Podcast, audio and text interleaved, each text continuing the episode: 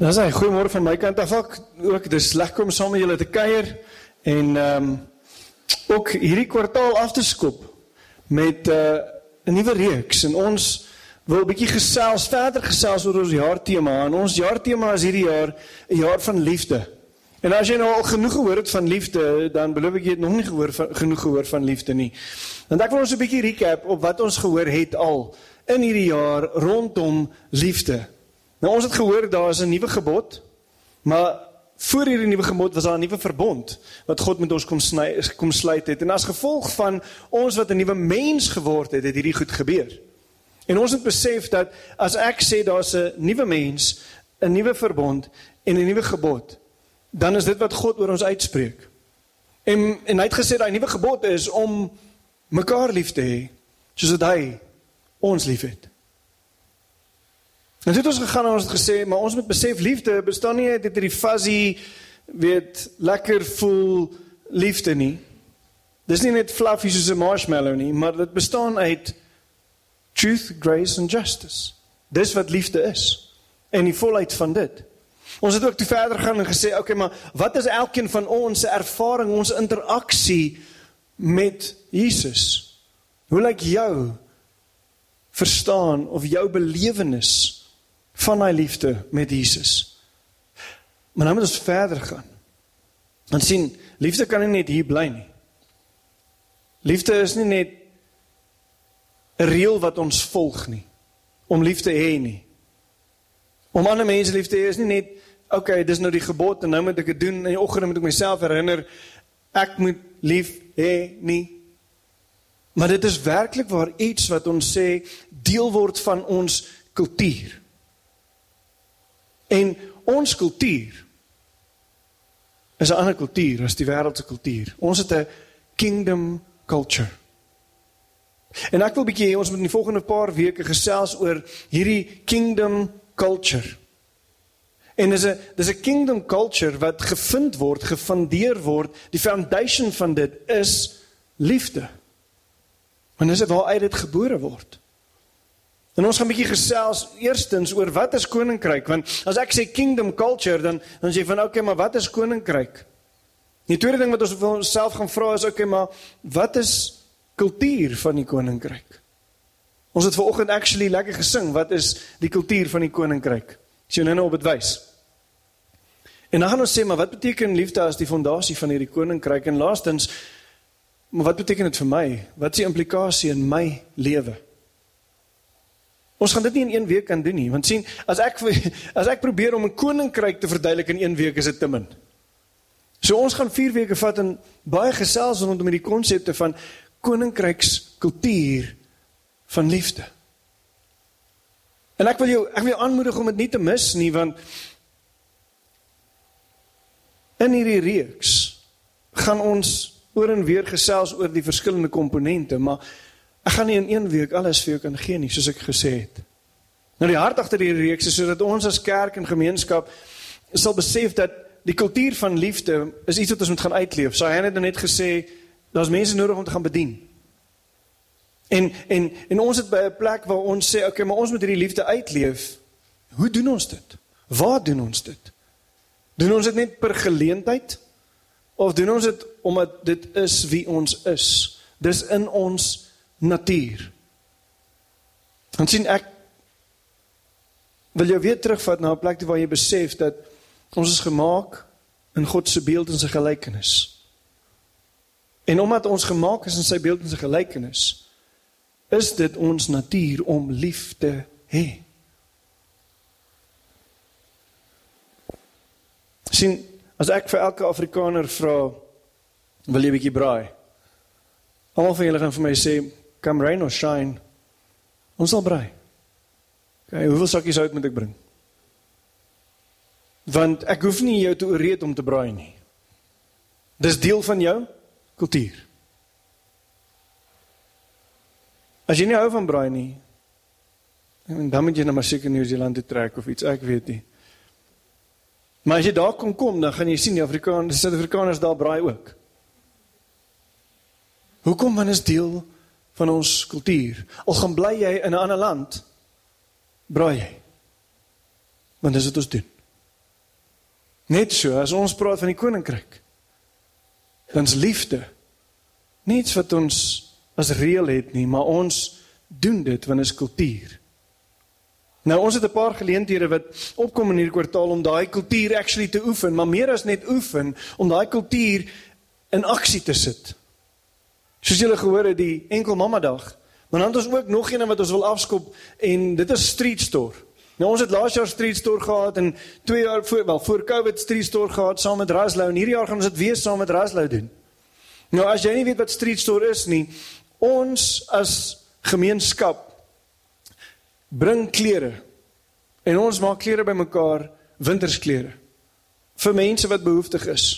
En dan is daar 'n dag wat ons 'n street store gaan opslaan en ons gaan dit hierdie jaar weer doen waar ons dit gedoen het saam met Rasla die vorige keer by Centurion Akademie daaroor kan die mall. En dan het ons 'n dag waar mense van die straat af kan kom en kan shop vir 'n uitrusting.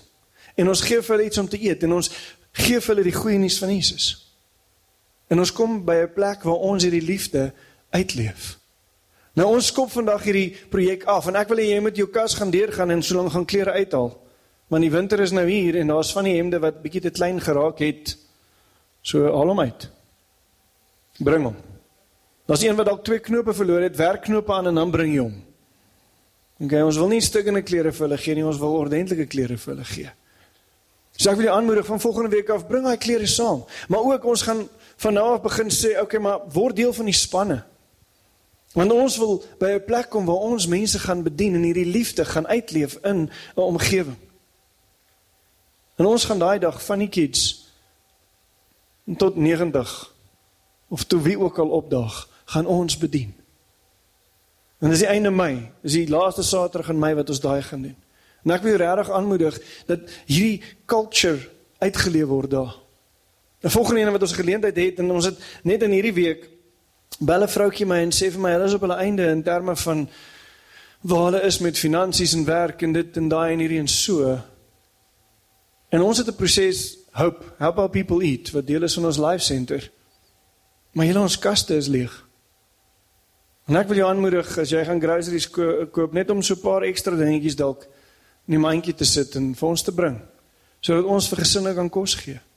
Dis 'n manier hoe ons hierdie kultuur uitleef van liefde. Dis nie iets wat ons doen nie, dis wie ons is.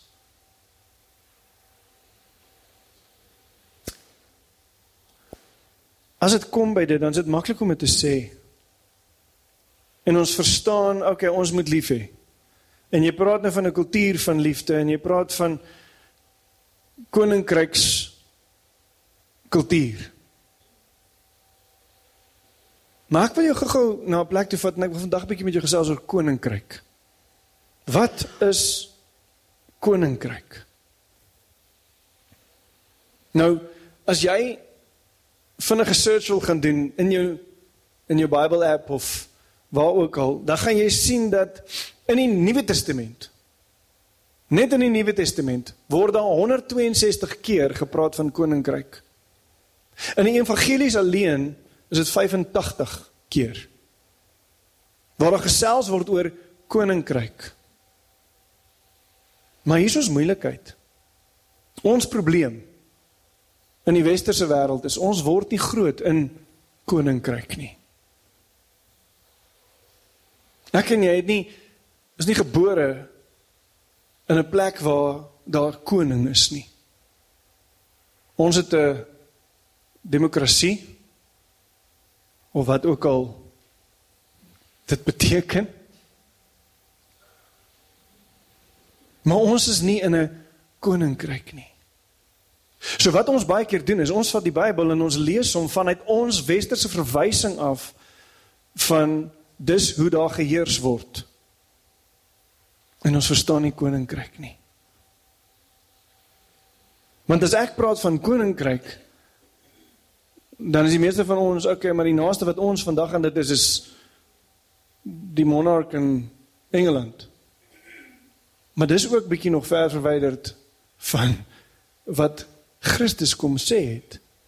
Toe hy sê ek kondig die koninkryk van God aan. sien Wat ons doen is ons superimpose ons kultuur op die Bybel en interpreteer dit vir onsself so. En dit word ons definisie van koninkryk.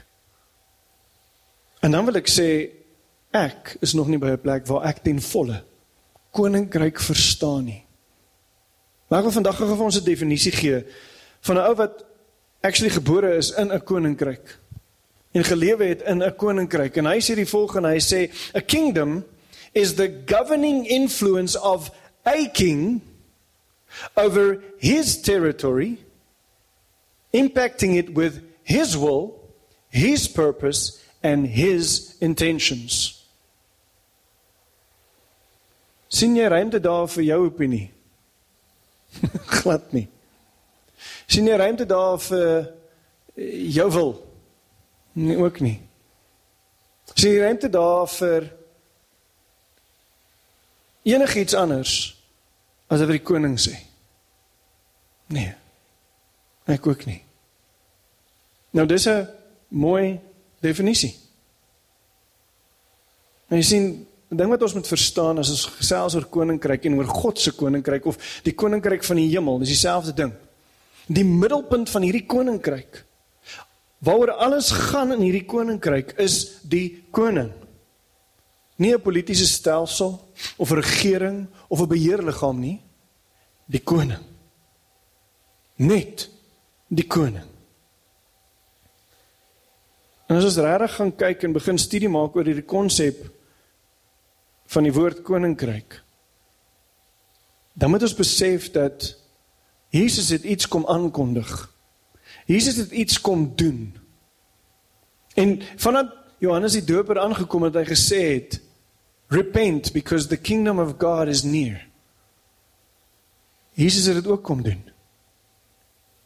Jesus het uit die woestyn uitgekom en die eerste ding wat hy aangekondig het gesê het repent because the kingdom of God is near. Dis die heel eerste ding wat hy sê. Dis die heel eerste ding wat hy doen.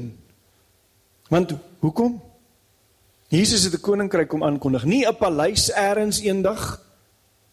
Soos ons dit sien, hy het vir ons, hy het vir ons gaan plek regmaak in 'n kasteel gaan bou in die hemel. En eendag gaan ons in sy koninkryk bly en dan sal ons onder sy heerskappy wees nie. Nee. Hy het klaar kom aankondig dat sy koninkryk is 'n plek waar hy regeer en sy invloed, sy wil sy doel en sy intensie is dit wat hy vir ons wil kom neersit. Nou ek weet baie van julle sit nou hier en sê, "Okay, daai is daai voel bietjie eensydig, Willem." Jy wil hê men dan sy koninkryk begin verstaan. Ons vat na Matteus 6 toe. In Matteus 6 is daar 'n 'n teksgedeelte wat ons so baie mooi baie raak lees. Maar ons lees hom ook nie binne die konteks van wat hy geskryf word nie. En ek wil vanoggend so 'n bietjie van dit vir ons gaan wys, want ons ken die teksgedeelte wat sê in vers 33, "But seek first the kingdom of God and his righteousness, and all these things shall be added to you." Sommige ken daai vers, jy het hom al gehoor en ons is van dis great. Wat beteken dit vir my? Maar wat voor dit gebeur. Eintlik in daai hele hoofstuk is iets wat incredible is want as ons praat van worry, van fear, die Here het agenda. Ek moet net vir jou dit sê. As ons praat van dit, dan kom ons gaan lees hierdie hele stuk. En in konteks van dit wil ek vir jou wys, wat sê hy oor sy koninkryk? En ons gaan lees van vers 25 tot 34 en ek lees uit die New King James Version uit. Therefore I say to you, do not worry about your life, what you will eat or what you will drink, nor about your body, what you will put on. Is not life more than food and the body more than clothing? Look at the birds of the air. For they neither sow nor reap nor gather into barns, yet your heavenly Father feeds them. Are you not more valuable than they? Which of you by worrying can add a cubit to his stature? Sê can add a day to your life. So why do you worry about clothing? Consider the lilies of the field, how they grow. They neither toil nor spin, and yet I say to you that even Solomon in all his glory was not arrayed like one of these. Now, if God so clothed the grass of the fields, which today is and tomorrow is thrown into the oven, will he not much more clothe you? O you of little faith. Therefore, do not worry saying, What shall we eat? Or what shall we drink? Or what shall we wear? For after all these things the Gentiles seek. For your heavenly Father knows that you need all these things. En dan kom hierdie teksgedeelte. But first seek the kingdom of God and his righteousness, and all these things shall be added to you. Therefore, do not worry about tomorrow, for tomorrow will worry about its own things. Sufficient for the day is its own trouble.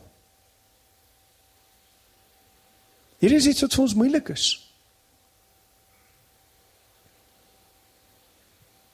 En ek sê nie daarmee ons moet nie beplan nie.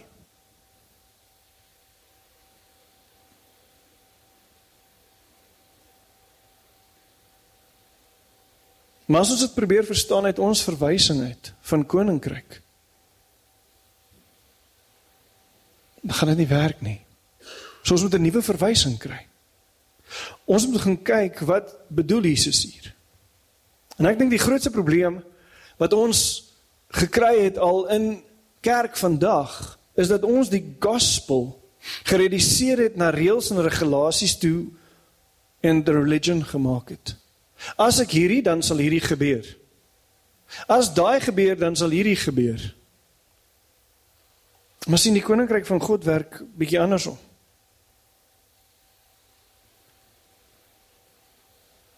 As ek gaan kyk na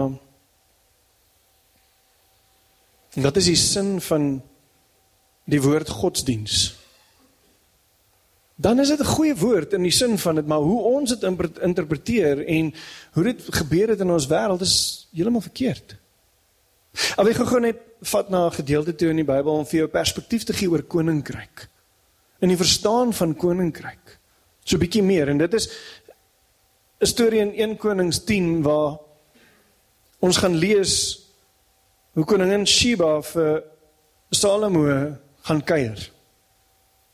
Want sy het gehoor van hierdie koning wat alles het wat wysheid het, wat rykdom het en sy sê van no ways. Ek het meer. Want jy sien in daai tyd wat gebeur het is, konings het vir mekaar gaan kuier nie om vir mekaar te sê hoe oulik hulle is nie, maar to outshine the other one. Om vir hulle te gaan wys my koninkryk is beter en groter en sterker as joune. En hoe het hulle dit gedoen? Hulle het vir hulle geskenke gevat. So hier kom koning in Shiva en sy is op pad na hierdie koning toe en sy het 'n hele party saam met haar. Daar's kamele. Okay, vir Afrika. Daar is goud. Daar is spices. Daar is groot persente. Want sy dra dit na hierdie koning toe om vir hom te gaan wys jy is niks en ek is alles want ek het die rykdom. Hm. En toe sy by die hekke inkom. Met al haar kamele en al haar goud en al haar ander dinge. En sy die diensknegte sien. En wat die diensknegte aan het. En die vleis wat die diensknegte eet. En die borde waaruit die diensknegte eet. Toe sê sy as dit is hoe die diensknegte leef hoe leef hierdie koning nie Want sien 'n koninkryk en 'n koning word uitgebeeld in sy dienskregte.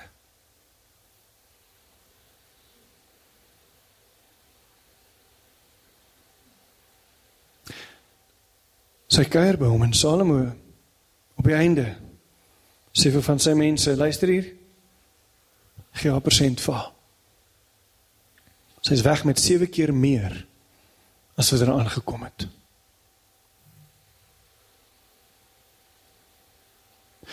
We serve the king of kings.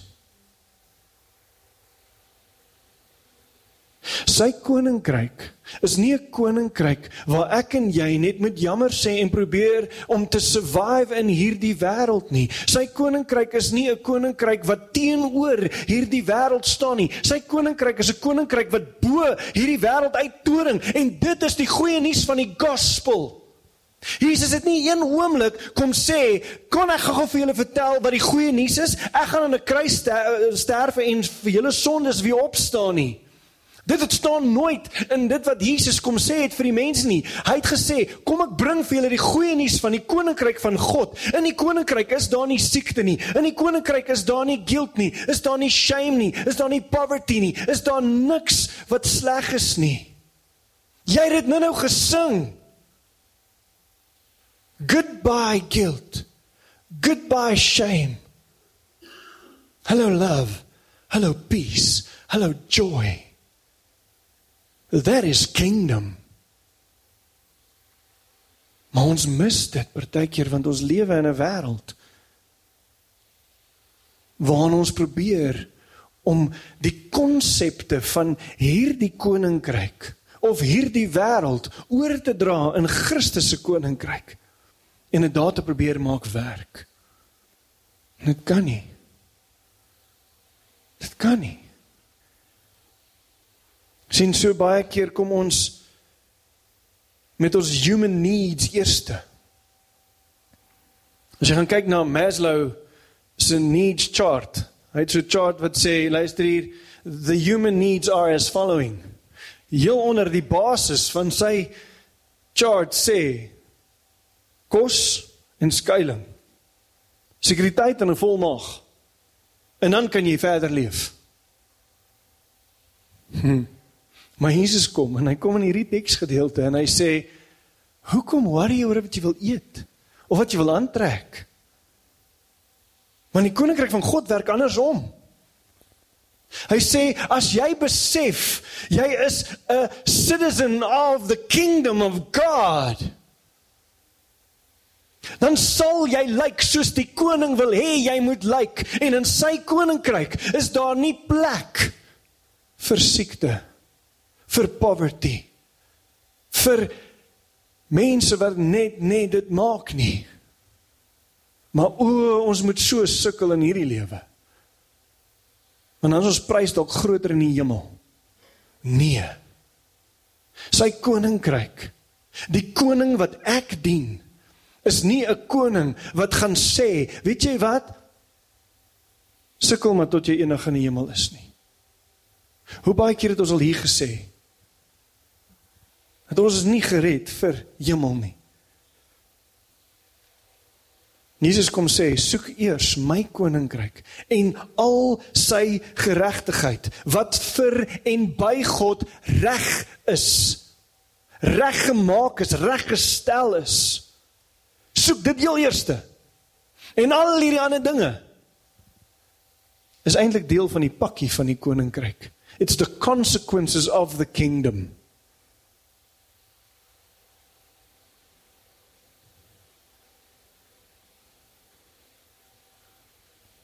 Maar Here, ek sukkel eers met my werk.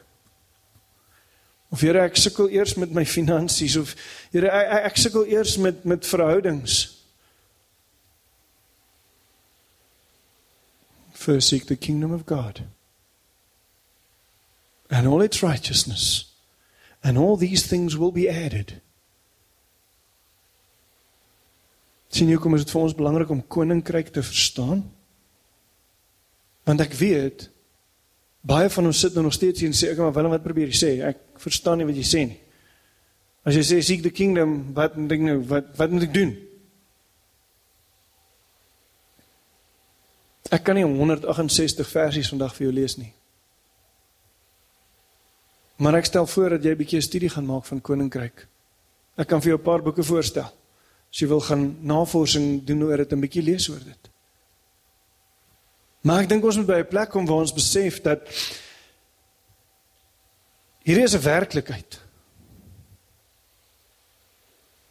En as ons hierdie werklikheid verstaan, dan dan kom ons by 'n plek uit waar waar ons huidige omstandighede, ons vrese, ons tekortkominge, dit wat hierdie wêreld vir ons bied, So wat, want ek is deel van 'n ander koninkryk. Ja. Daar's konsekwensies in hierdie wêreld. Maar gaan nie steur aan dit nie. Want ons 'n koninkryksrealiteit wat anders lyk. Verstaan wat ek net van sê ons moet liefde uitleef as en en dit doen soos wat die koninkryk dit sê. Wat sê ons? En dis die ontdekking wat ek wil hê ons moet maak in die volgende ruk. Ons sien ons is in die wêreld. Maar nie van die wêreld nie. En ons nog teks gedeeltes wat as ek deur die bril van die koninkryk kyk en nie deur my westerse oë nie, dan sien ek ander goed raak. En kyk Jesus wat wat vir Pilatus vir Pilatus sê, ek is 'n koning, maar my koninkryk is nie van die wêreld nie. Dan dan is daar ander gedeeltes waar Paulus kom sê the kingdom of God is not eating or drinking but righteousness, peace and joy in the Holy Spirit. Jy het dit volgens gesing. That is the kingdom of God. Jesus het sy disippels leer bid. Laat u koninkryk kom, soos dit in die hemel is, so ook op die aarde. Hoekom sal hy dit bid as die koninkryk net in die hemel is eendag as ons dan doodgaan? Nee. Christus het sy koninkryk kom aankondig. Die oomblik toe hy koning geword het. Wanneer was dit? Die oomblik toe hy die dood oorwin het en die heerser geword het van die heelal. Aan my is alle mag op die hemel, of in die hemel en op aarde gegee. That is the moment we discovered he is king.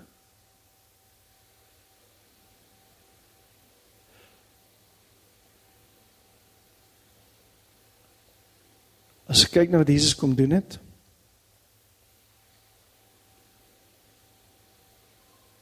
En wat hy kom sê het, het hy oral gepraat oor die koninkryk. Jesus het nooit vir mense gesê, soos ek gesê het, dat die goeie nuus is 'n nuwe godsdienstige alternatief nie. Maar 'n nuwe koninkryk. Ek weet ek skud dalk 'n paar bote vandag en ek is bly want dit dit my boot geskit vir baie lank. En die oomblik toe ek koninkryk begin verstaan want ek soos ek sê ek verstaan nog nie alles nie. Besef ek dat hierdie wêreldse stelsel val kort. En as ek probeer om in hierdie wêreldse stelsel te probeer operate as Christen as as 'n citizen of the kingdom of God werk dit nie. Mense gaan my weer dan kyk. Mense gaan teen wees wat ek sê. Maar dis jy sou kom. Ons hierdie moet doen. Wat ons nodig het om ons gedagtes te verander rondom hoe koninkryk werk en hoe God werk. En as jy vandag sê ek het al submit onder God se heerskappy oor my lewe dan is hy die eerste en die enigste autoriteit in jou lewe. Dan moet ons by 'n plek kom waar ons besef dat as 'n regering of 'n wêreldstelsel of Hollywood of wie ook al dit is vir ons sê hierdie ding is oukei. Okay. Jy kan maar so optree of so leef. Maar God se koninkryk sê nee, dis nie hoe dit werk nie. Dan het jy klaar submit onder die koning van die konings. En dan moet jy klaarmaak met daai goed. Hoekom? Want jy leef in 'n ander koninkryk. Daar's 'n ander kultuur wat jy moet aanneem. Maar Willem, ek sukkel so met van hierdie goed. Ja. jy sal sukkel. Want jy sit jouself in die wêreld en nie in sy koninkryk nie.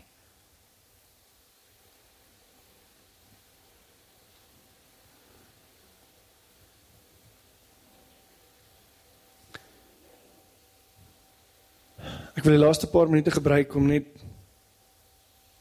by die res van die reeks gaan te sluit want ek wens ek kon vir jou nog oor vir 4 weke lank met jou gesels oor koninkryk.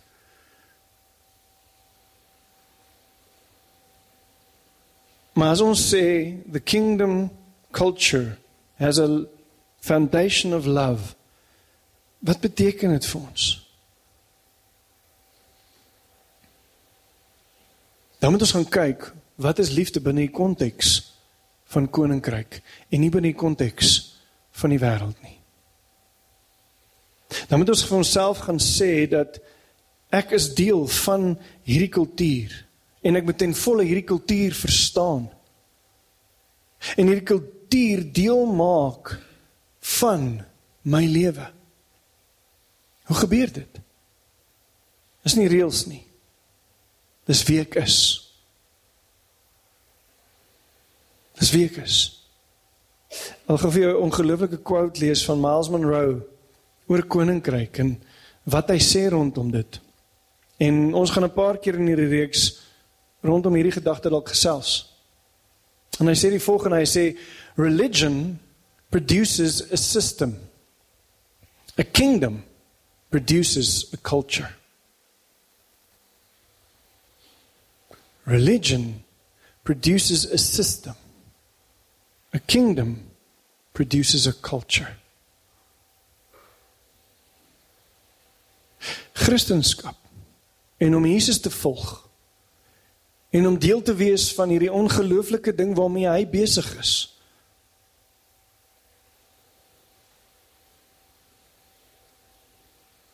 is nie 'n stelsel om my toekoms en my ewige lewe vas te maak vir my nie. Ek het in die begin gesê koninkryk gaan net oor die koning. En wat die koning wil hê. En wat die koning sê. Wat sy intensies is. Wat sy purpose is. En en dit wil ek vir jou sê. Hy wil kultuur hê van liefde. Ons het nie mekaar lief as reël nie maar omdat dit eerstens in ons natuur is. You made in the image of God en tweedens omdat dit ons kultuur is.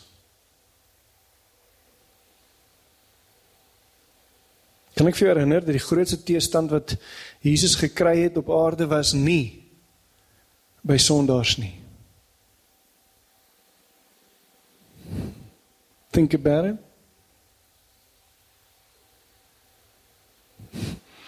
Really think about it. Die grootste teenstand wat Jesus gekry het toe hy die koninkryk kom aankondig het, was nie sondaars wat die kerk kom of of dit wat hy kom doen het sleg gesê het nie. Inteendeel. Dit was ouens wat gehardloop het om deel te word van dit wat hy kom staan net voor.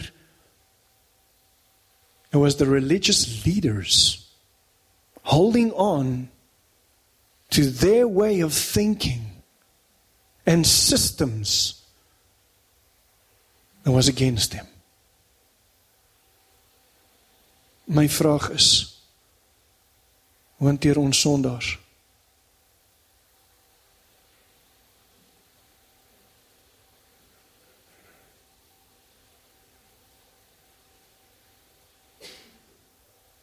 Verstaan ons kingdom culture. Verstaan ons liefde binne die konteks van die koninkryk. Want ek dink die wêreld het nodig dat Christene in hierdie wêreld sy koninkryk uitleef. En dat die kerk 'n plek word waar dit wat Jesus kom bedoel het reg geïnterpreteer word En dat ons die plek gaan hê vir mense wat die Here ken in hierdie plek nie, Maar mense wat die Here wil leer ken in hierdie plek. Vir mense wat sê ek is moeg vir religion en vir klomp reëls en regulasies. Ek het hoop, 'n toekoms, liefde, vrede, genade nodig.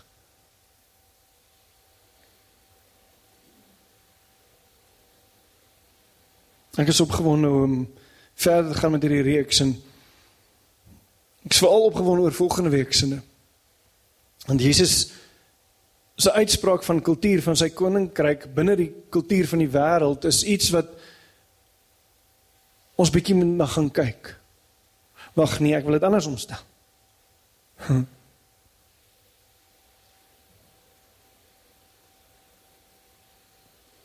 Ek wil gesels oor hoe besoedel die koninkryk van hierdie wêreld. Die koninkryk.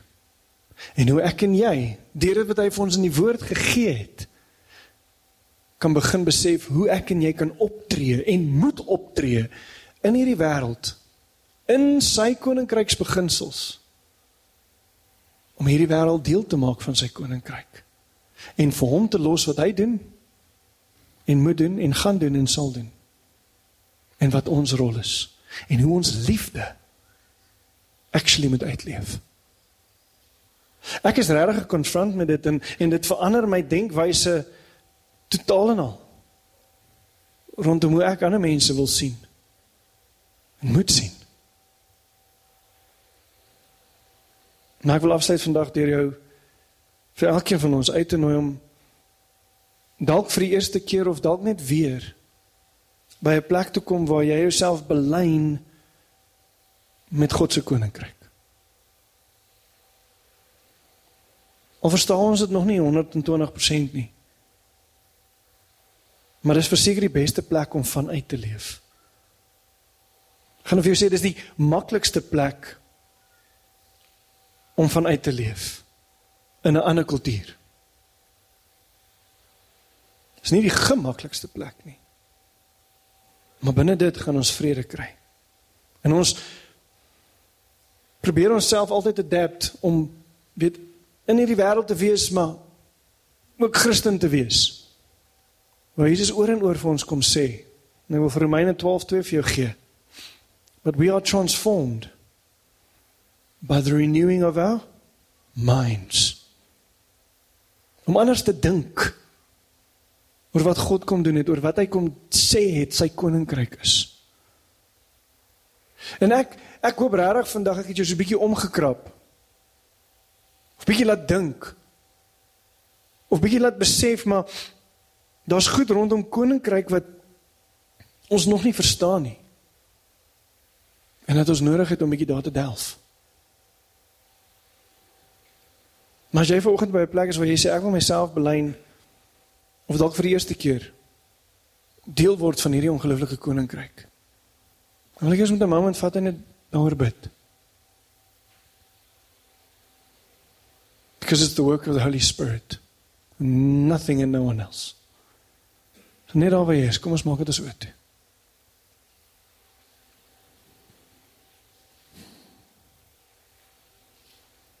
Here net soos ek dink ek verstaan dit klomp goed dan kom hier en hier gooi hierdie appelkarretjie bietjie om.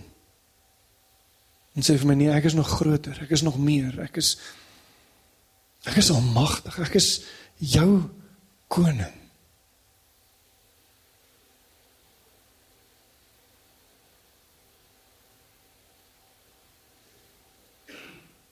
Heilige Gees, ons wil die volle implikasie van dit verstaan. Ons wil besef en weet en leer en oefen en begin leef soos 'n koninkrykskind. U koninkryk. Dit wat u kom aankondig het, dit wat u kom sê het.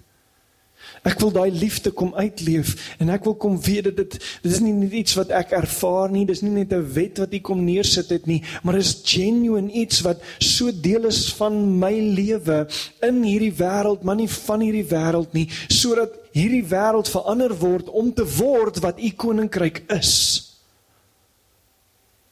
O Heilige Gees leer my wat dit is.